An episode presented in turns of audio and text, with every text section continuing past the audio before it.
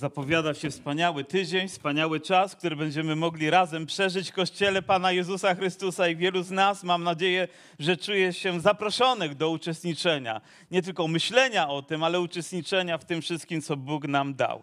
Będziemy kontynuować cykl kazań, które rozpoczęliśmy na temat proroc, które zmieniały świat i zmieniają i mają wciąż wpływ na nasze życie. Choć dzisiaj chcę być wierny, ponieważ to, czym chcę się podzielić, nie jest związane tak bezpośrednio z proroczym słowem, ale z pewnym dziełem, które Bóg wykonał i które ma wpływ również na dzisiejszy świat. I to bardziej niż moglibyśmy się tego spodziewać. Historia dotyczy pewnego miejsca i wydarzenia, które w Biblii nazywa się wieżą Babel. Ktoś z Was czytał tę historię na szkółce niedzielnej? Być może nauczyliśmy się. Gdy przygotowywałem się do tego, przesłałem również e, naszemu bratu informację i napisałem wieża Babel i jej skutki, ale mój słownik języka polskiego nie zgodził się z nazwą wieża Babel i zamienił ją na Bombel. Wystarczy jedna kreska i wszystko nabiera innego znaczenia. Jedna kreska, jedna zmiana i to już nie jest Babel, tylko to jest Bombel, oby nic gorszego jeszcze. Ale dzisiaj będę mówił nie o Bomblu, ale o wieży Babel. Wiecie, wspominam to wydarzenie nie jak pewną tylko anegdotę z przeszłości, nie jak jakiś mit, który się gdzieś tam pojawił, ale jak biblijną prawdę, jak coś, co wydarzyło się w bardzo realny sposób, ponieważ tak podchodzę do Bożego Słowa. Ja jestem człowiekiem, który nie wierzy w ewolucję, wierzę w kreacjonizm, wierzę, że to Bóg stworzył świat, wierzę, że stworzył go w siedem dni, wierzę, że wydarzenia, które miały miejsce, to Bóg je uczynił i one mają wciąż wpływ na nasze życie. Wieża Babel, czy budowa tej wieży również ma wpływ na nasze życie. Dlaczego? Bo do dnia dzisiejszego świat posługuje się przynajmniej siedmioma tysiącami różnych języków i dialektów. Wyobrażacie sobie 7 tysięcy różnych języków i dialektów. I gdybyśmy próbowali je wymieniać, z pewnością nikt z nas nie byłby w stanie, ale ponoć najbardziej popularnym językiem na świecie jest jaki język? Tutaj na tym miejscu z pewnością język polski, na drugim miejscu byłby język ukraiński i później kolejne, ale najbardziej no, znaczącym jest język mandaryński. Nie wiem, czy wiecie że ponad miliard 213 milionów ludzi na świecie posługuje się tym językiem. Językiem angielskim posługuje się miliard 200 milionów, hiszpańskim 550 milionów, hindi 450 milionów, arabskim 390 milionów, a polskim no, sami wiecie ile, co wam będę, będę mówić. Ale naukowcy też są zgodni z pewnym faktem, przynajmniej niektórzy, że kiedyś był jeden język na Ziemi. Jeden. Nie dwa, nie trzy, nie siedem tysięcy, ale jeden język. Nazywa się językiem Adama albo językiem człowieka. Także to ma dla nas również znaczenie.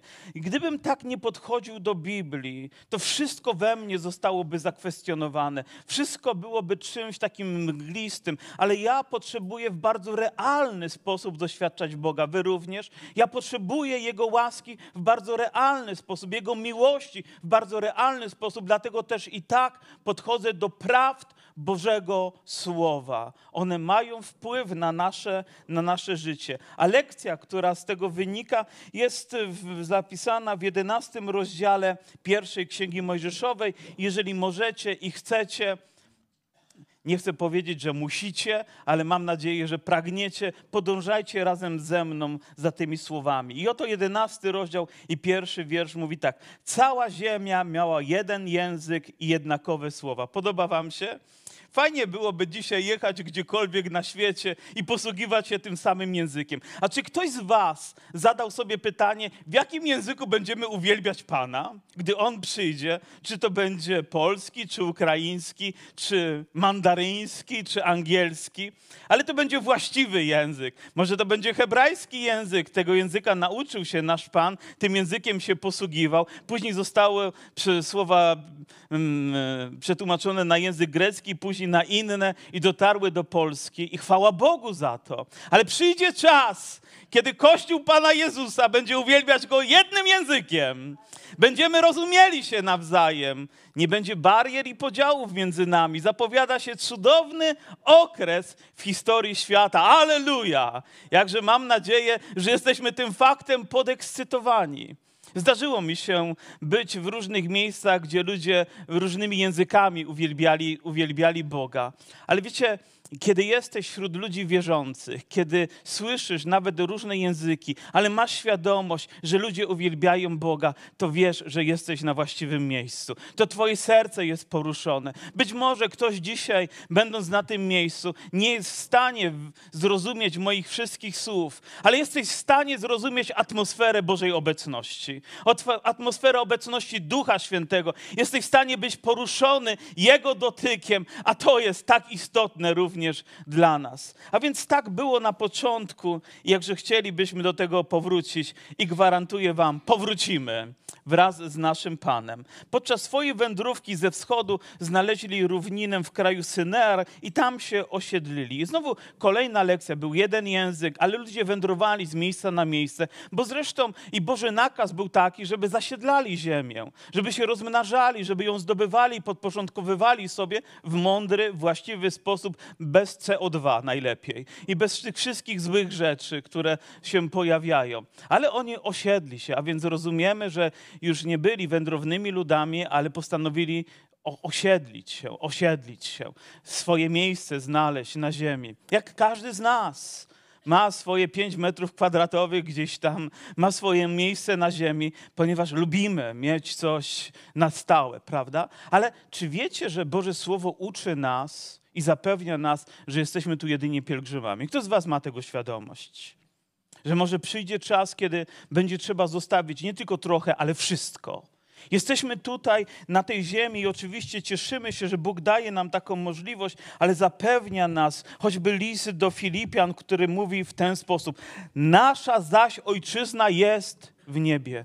Myślę, że bardzo świadomie apostoł Paweł chciał przypomnieć to Kościołowi, bo oni osiedlili się już tak mocno. Może już nawet nie myśleli o tym, by pójść dalej, zwiastować Ewangelię, bo tutaj było im po prostu za wygodnie. Było im tak dobrze, już nie chcieli nic więcej, ale nasza ojczyzna jest w niebie. Za tym powinno tęsknić nasze serce, bez względu gdzie się znajdziemy. Mamy ojczyznę i nikt nam jej nie zabierze. Nikt nam jej nie zabierze. Te doczesne rzeczy mogą zniknąć, mogą zmienić swoją wartość, ale ja i ty ze względu na naszego Pana mamy coś wiecznego, umieszczonego już dzisiaj w naszych sercach, bo jesteśmy Jego ludem. Aleluja! I czy to jest język mandaryński, czy to jest język amerykański, czy angielski, czy jakikolwiek inny, wszystkich wierzących ojczyzna jest w jednym miejscu przy naszym Panu. Tam, gdzie jest On, tam jest Jego Królestwo, a my zatem oczywiście, że tęsknimy. Osiedlili się, a gdy się osiedlili, mówili jeden do drugiego nurze. To takie słowo pewnie, które znowu by mój słownik przekreślił jakoś albo zmienił, ale to mówi, no teraz jakby podejmijmy działania. Nurze, wyrabiajmy cegłę, czyli postęp, cywilizacja. Już nie kamienie, które znaleźli na polu albo gdzieś tam odłupali i z nich robili, ale z, zrobili pewną sztancę, czyli taki wzór i według którego wszystko będzie powielane. Ja nie lubię schematów, wy również mam nadzieję. Nie, nie lubię tylko tego, co jest powtarzalne. Dla mnie mur, gdy jest budowany z kamienia, chociaż z cegły też ładnie może wyglądać, powiem, jest taki niezwykły. Tak? Każdy, każdy kamień jest inny. Czy wiecie, że w Bożym Królestwie my jesteśmy żywymi kamieniami? Kto z was to wierzy? Żywymi kamieniami. To znaczy, że każdy z nas jest inny. Nie jesteśmy jak od sztancy. Nie jesteśmy tylko jakoś tam uformowani sztucznie, ale to Bóg nas stworzył. Każdego z nas inaczej. Każdego z nas dla swojej chwały, abyśmy mogli stanowić jedność. Podoba Wam się? Jesteście tym podekscytowani, że ta różność tworzy piękno, które Bóg nam dał i którym Kościół może się ekscytować. Ale to nie tylko mówi, wypalajmy ją w ogniu, a więc utrwalajmy, czyńmy twardą. I oczywiście to dobrze jest budować dom takich dobrych cegieł, Nie wiem, czy wiecie, że nasz stary budynek jest ten administracyjny, on jest dawno zbudowany ze starych cegieł. I kiedy go remontowaliśmy, to trafialiśmy na te cegły, próbowaliśmy się wiercać, jak beton. No wypalone, no powiem, aż dzwonią, jak to mówią. Powiem, i ten dom dlatego tyle lat trwa. Myślę, że wszystkie inne cegły, gdybyśmy porównali i włożyli taką współczesną do wody i tą starą do wody, to jak ma się, która by się zlasowała szybciej? Jak myślicie? A, ta by pewnie nie przetrwała współczesna, powiem, tygodnia, a tamta być może będzie na wieki wieków. Prawie, że oczywiście przesadzam tutaj. Wypalana w ogniu, używali cegły zamiast kamienia i smoły zamiast zaprawy. Postęp. Postęp. Ale jaka jest cena postępu? Jaka jest cena, że człowiek goni, tylko chce więcej, chce więcej, chce szybciej? Powiem, jak, jak to jest, że już nie wystarczy to. Kiedyś słyszałem pewną historię, bardzo mi się spodobała, o pewnym człowieku, który był na plaży i opalał się, a był rybakiem, jakieś homary poławiał. No i przyszedł do niego człowiek i mówi, wie pan co? Mówi, jak to jest, że pan poławiacz homaru sobie tak leży na plaży i odpoczywa? Mówi, czy nie powinien pan tam pójść i, i złowić więcej homarów i później jeszcze więcej homarów i kupić jeszcze większą łódź i złowić jeszcze więcej homarów, tak żeby panu wystarczyło, żeby pan mógł później sprzedać te homary i przyjść i tutaj się opalać, a nie dziesięć homarów. Mówi, a co ja robię? Siedział i się opalał. Może czasami mniej to tak naprawdę nie oznacza mniej dla nas, mniej szczęścia, mniej radości. Po prostu potrzebujemy czegoś, czego świat nam nie da, postęp nam nie da, coś, co może dać nam tylko Bóg, prawda? Coś, dlaczego zostaliśmy stworzeni, coś za tym tęskni, tęskni cały świat. Bez względu na to, w jakiej kulturze, jakim językiem się posługujemy, tęsknimy na to. A więc wpadli na kolejny pomysł, potem rzekli, nurze, zbudujmy sobie miasto i wierzę. A więc ludzie już nie żyli gdzieś uprawiając ziemię albo też hodując zwierzęta, ale mówi założymy miasta, założymy siedziby, będziemy tam razem, pewnie i mury obronne muszą się wtedy pojawiać. Ktoś kiedyś powiedział, że miasto jest największą wylęgarnią grzechu. Że tam ludzie bardzo często lubią się ukrywać. Wiecie, ja widzę różnicę pomiędzy mieszkaniem w bloku, na przykład, a mieszkaniem gdzieś poza miastem, w jakimś małym, białym domeczku, gdzieś z ogródeczkiem, ale jestem błogosławiony, nie? Jest różnica. Naprawdę jest różnica. Powiem, nie wiem, czy to atmosfera, czy człowiek inaczej oddycha, czy przychodzi, ale mówię, czasami rzeczy potrafią się zmieniać. Więc zbudujmy sobie miasta. Ja mówię, i wierzę, której szczyt sięgałby aż do nieba. Uczyńmy sobie imię, abyśmy nie rozproszyli się po całej ziemi. Zbudujmy wieżę. I oczywiście budowanie takiej wieży musiało mieć swoją konstrukcję, schody mówią wokoło i piącie ciągle w górę i w górę i w górę i w górę i w górę i w górę. Czy wam to czegoś nie przypomina? Że człowiek właśnie ciągle ma gdzieś tę sknotę piąć się w górę, ale piąć się w górę to również oznacza czasami spadać bardzo z wysoka w dół. To jest bardzo niebezpieczne, kiedy człowiek zaczyna to robić, ponieważ, nie wiem, chce się wywyższyć, ponieważ jego ambicja go tam prowadzi. Ale czy gdy staniesz w tym miejscu już na samym szczycie, czy będziesz szczęśliwy? Czy to da ci to, czego naprawdę potrzebowałeś? Czy odpowie na wszystkie twoje potrzeby? Zdecydowanie nie. Ale uczyńmy sobie imię. Czy to oznaczało również, że nie wiem, nazwijmy się narodem, nazwijmy nasze miasta. Nie bądźmy już jednym ludem, ale bądźmy może ludem, który ma swoje imię, bo gdyby inne powstały, to będziemy się jakoś wyróżniać. Albo to my teraz przejmiemy dowodzenie nad naszym życiem, przejmiemy władzę. Już nie potrzebujemy imienia Boga, nie potrzebujemy go, bo my mamy to wszystko w naszych rękach, mamy pewne zdolności, umiejętności one pozwalają nam się piąć i piąć i piąć i piąć w górę, czy to nie jest owoc również tego, co zostało posiane tam, a co zbieramy do dnia dzisiejszego? Do dnia dzisiejszego. Do tej chwili. Myślę, że to jest bardzo znamienne, kiedy ludzie zaczynają to czynić. I wtedy stąpił Pan. I proszę zwróćcie uwagę na to słowo w piątym wierszu. Stąpił Pan, aby zobaczyć miasto, wieżę, którą budowali ludzie. Pan przyszedł, popatrzył Chciałbym zobaczyć wyraz jego oblicza wtedy. Chciałbym, żeby zostało ono bardziej jakoś określone, sprecyzowane. Ale myślę, że Zasmucił się, ponieważ to, co później uczynił, może również temu dowodzić. I rzekł Pan, oto jeden lud i wszyscy mają jeden język, a to dopiero e, początek ich dzieła. Teraz już dla nich nic nie będzie niemożliwe, cokolwiek zamierzą uczynić. Oto człowiek dochodzi do miejsca, kiedy myśli sobie, już wszystko mogę uczynić, możemy się komunikować, możemy podejmować decyzje, działania, są nieograniczone możliwości, nieograniczone środki, postęp nam na to pozwala, a więc pnijmy się dalej i dalej i dalej. A Bóg mówi nie. To jest niewłaściwy kierunek dla waszego, dla waszego życia. On pozbawia tego, czego człowiek najbardziej potrzebuje, relacji z Bogiem, a skupia się na sukcesie, na pięciu się w górę, na naszych ambicjach, na naszych aspiracjach, na tym, co jest odzewem gdzieś naszej grzesznej natury, która próbuje wtedy wydobyć się z nas i zamienić się na coś, co może doprowadzić do, do katastrofy. Ale też zwróćcie uwagę na te słowa, które mówią, gdy, gdy ludzie się komunikują ze sobą, to zaczynają osiągać rzeczy, których nikt nie może osiągnąć indywidualnie. Być może jest tu też pewna lekcja. Powiem, co by to było, gdyby Kościół, powiem, nie komunikował się ze sobą, gdybyśmy nie rozmawiali, gdybyśmy nie mieli wspólnego celu, który Bóg nam wyznaczył, ale powiem, to my przejmujemy inicjatywę. To prawdopodobnie, gdybyśmy szli w różnych kierunkach, nic by z tego nie było. Ale gdy zaczynamy się dogadywać, gdy zaczynamy się porozumiewać, gdy uzgadniamy cele i zaczynamy realizować, to one są naprawdę bardzo blisko do realizacji. I oby były dobre, oczywiście, bo to słowo może mieć złe i dobre znaczenie również i dla nas. W tym przypadku niestety było złe.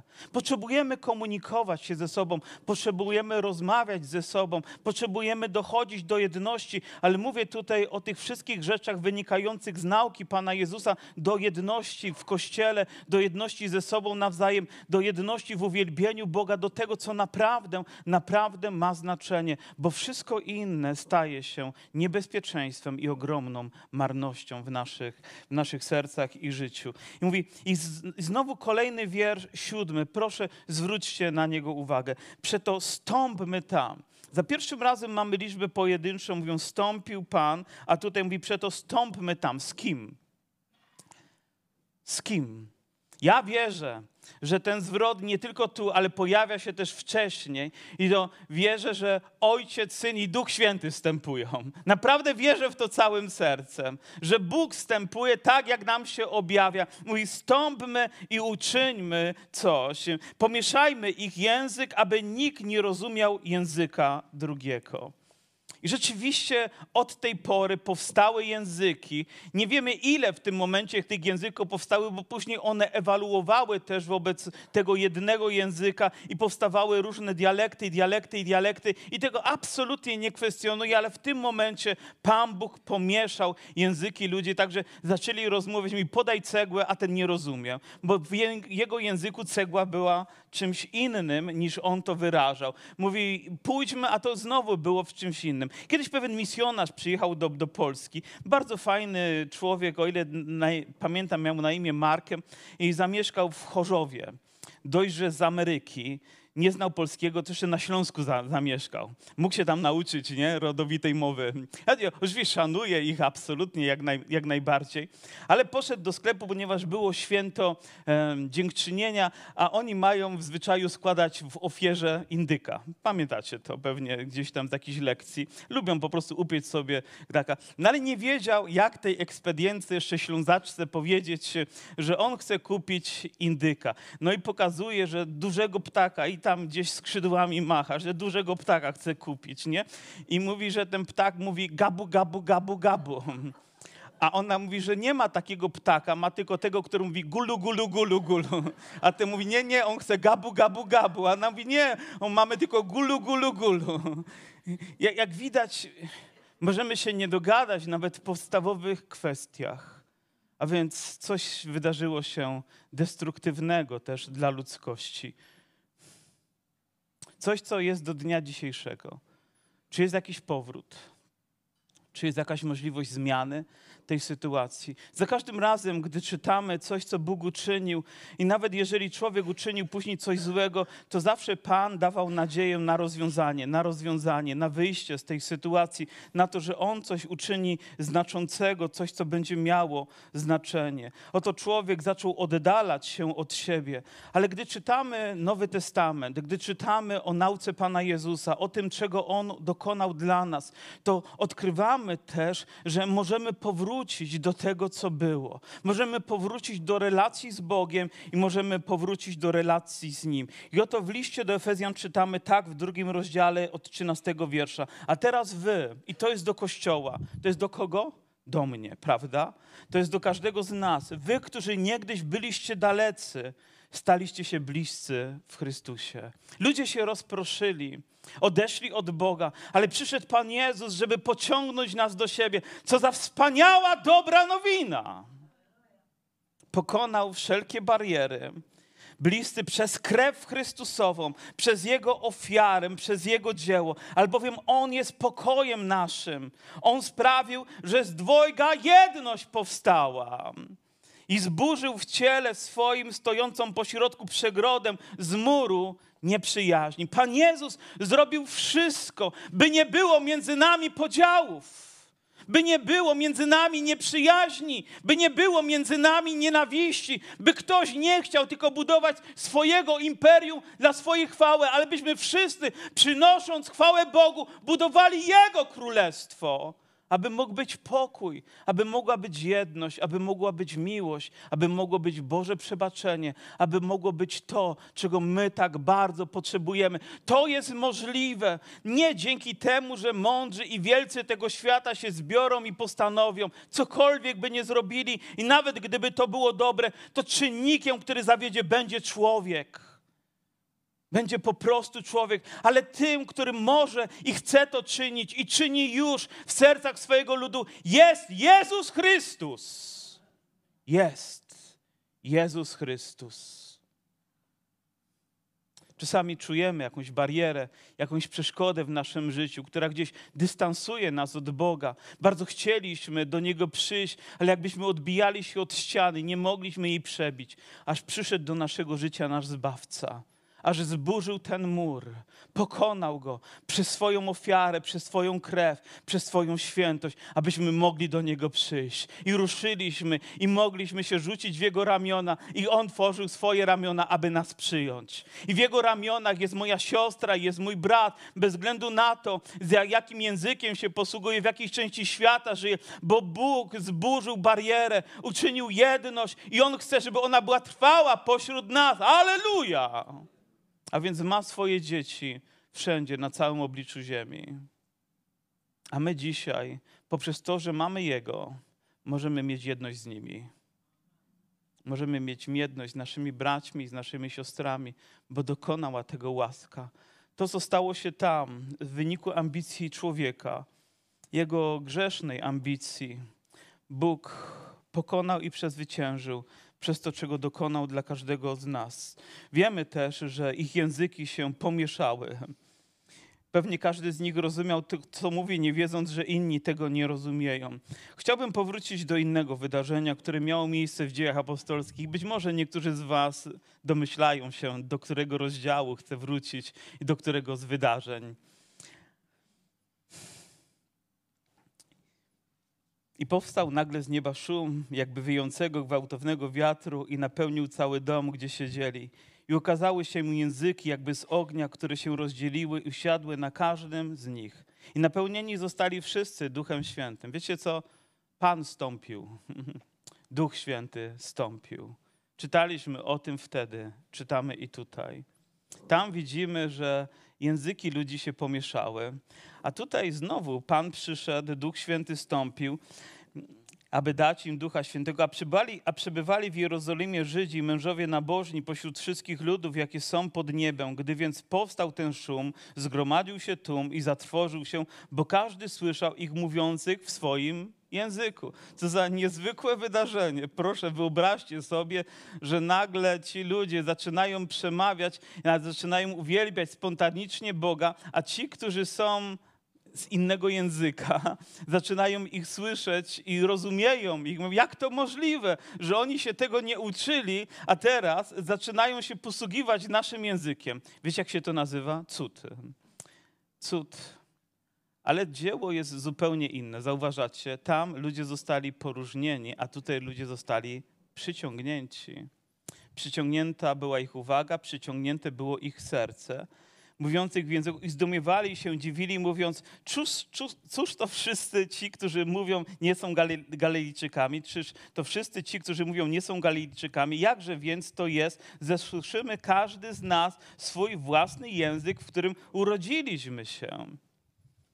I Portowie, i Medowie, i Lamici, i mieszkańcy Mezopotanii, Judei, Kapadocji, Pontu, Azji, Frygi, Pamfilii, Egiptu i części Libii, położonej obok Cyreny, i przychodnie rzymscy, zarówno Żydzi, jak i, jak i prozelici, Kreteńczycy i Arabowie, słyszymy ich, jak w naszych językach głoszą wielkie dzieła Boże.